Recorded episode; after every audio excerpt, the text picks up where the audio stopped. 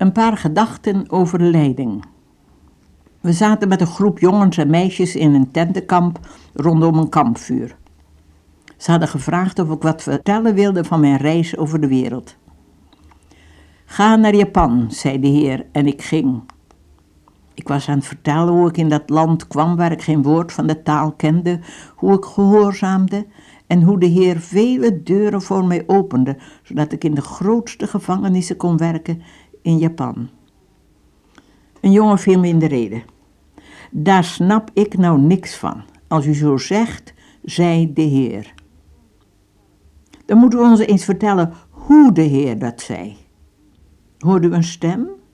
Of voelde u wat in uw denken, in uw hart?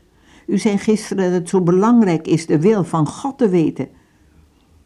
Ik wil niet met u argumenteren, maar ik meen het echt dat ik ze zo graag zou willen uitvinden wat God wil. En hoe Hij ons zijn wil laat weten. Het lukte me nooit. Hoe krijg je dat nou voor elkaar? Dankjewel voor deze vraag, want daar zitten we bijna allemaal mee, vroeg of laat. Als je met de Heer door het leven wilt gaan. Ik geloof dat dit juist een van de allerbelangrijkste dingen in ons leven als christen is.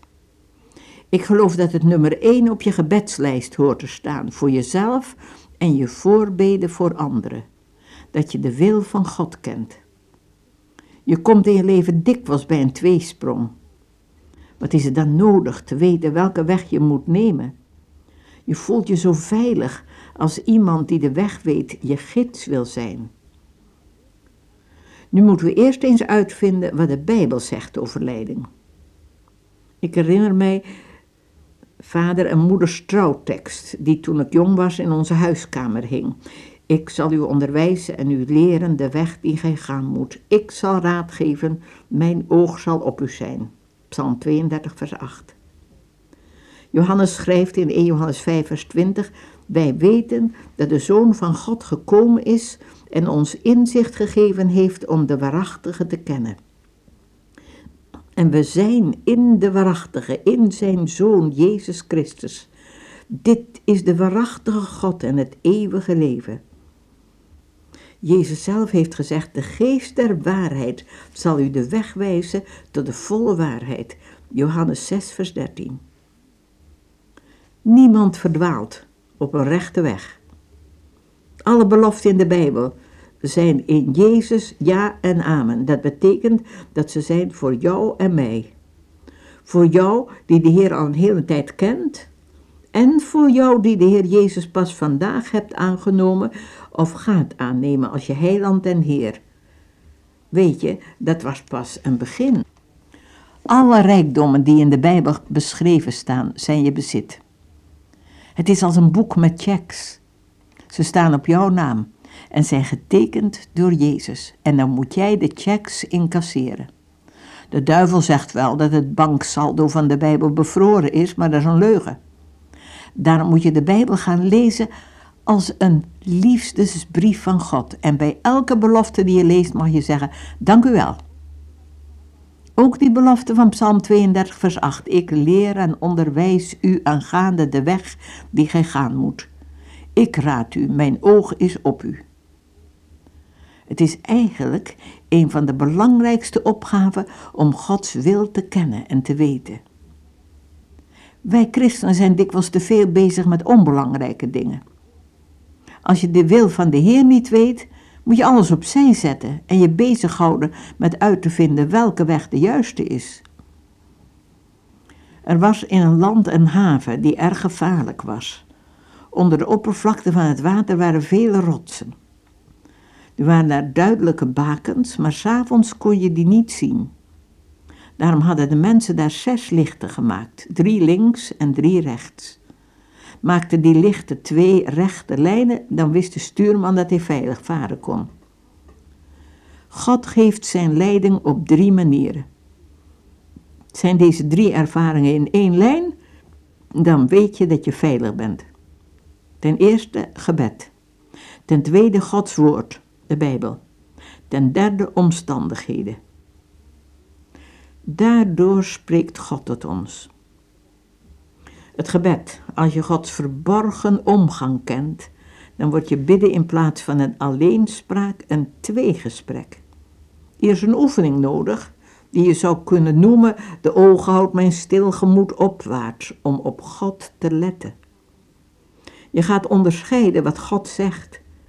Je leert zijn stem kennen. Job zegt: Gewen u toch aan de Heer opdat ge vrede hebt. Job 22, vers 21. Maar ook vers 22 is waar. Neem toch uit zijn mond de onderwijzing aan en leg zijn woorden weg in uw hart. Je moet bereid zijn te gehoorzamen. Ik had een heel duidelijke ervaring vlak na de oorlog. Ik zei, ik wil overal gaan werken waar God me leidt, maar een land waar ik niet heen wil is Duitsland. Ik kreeg absoluut geen leiding meer als ik erom vroeg. Ik wist niet wat het was, maar begreep dat er ergens een ongehoorzaamheid moest zijn. Kijk, dan is het zo goed onmiddellijk met de chef te gaan overleggen. Ik vroeg de heer, is er ergens een ongehoorzaamheid? En onmiddellijk kwam het antwoord, Duitsland.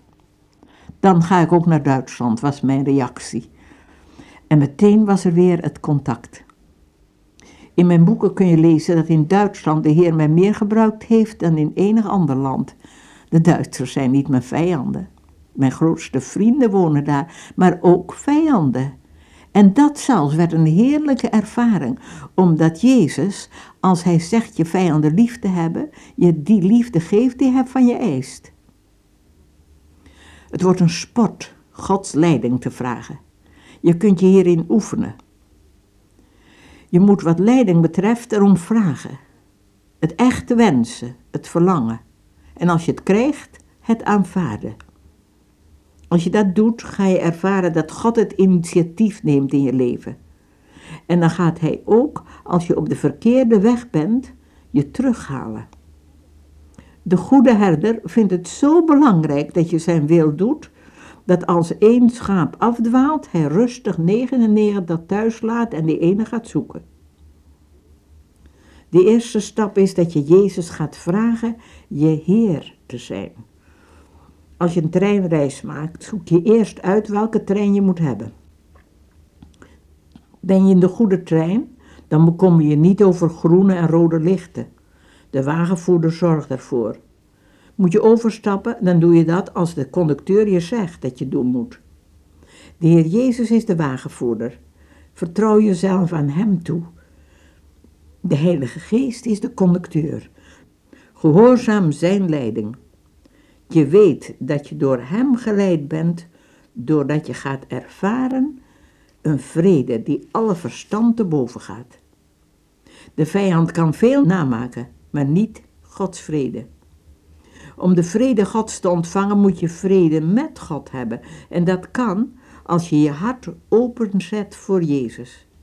Zie, ik sta aan de deur en ik klop, zegt Jezus. Indien iemand naar mijn stem hoort en de deur opent, ik zal bij hem binnenkomen en maaltijd met hem houden en hij met mij. Dank u, Heer, dat u zo'n goede herder bent. Dank u dat u uw schapen heel veilig leidt. Ik leg mijn hand in uw hand. En samen, u en ik, gaan we voorwaarts. Wat is dat een veilige weg. Amen.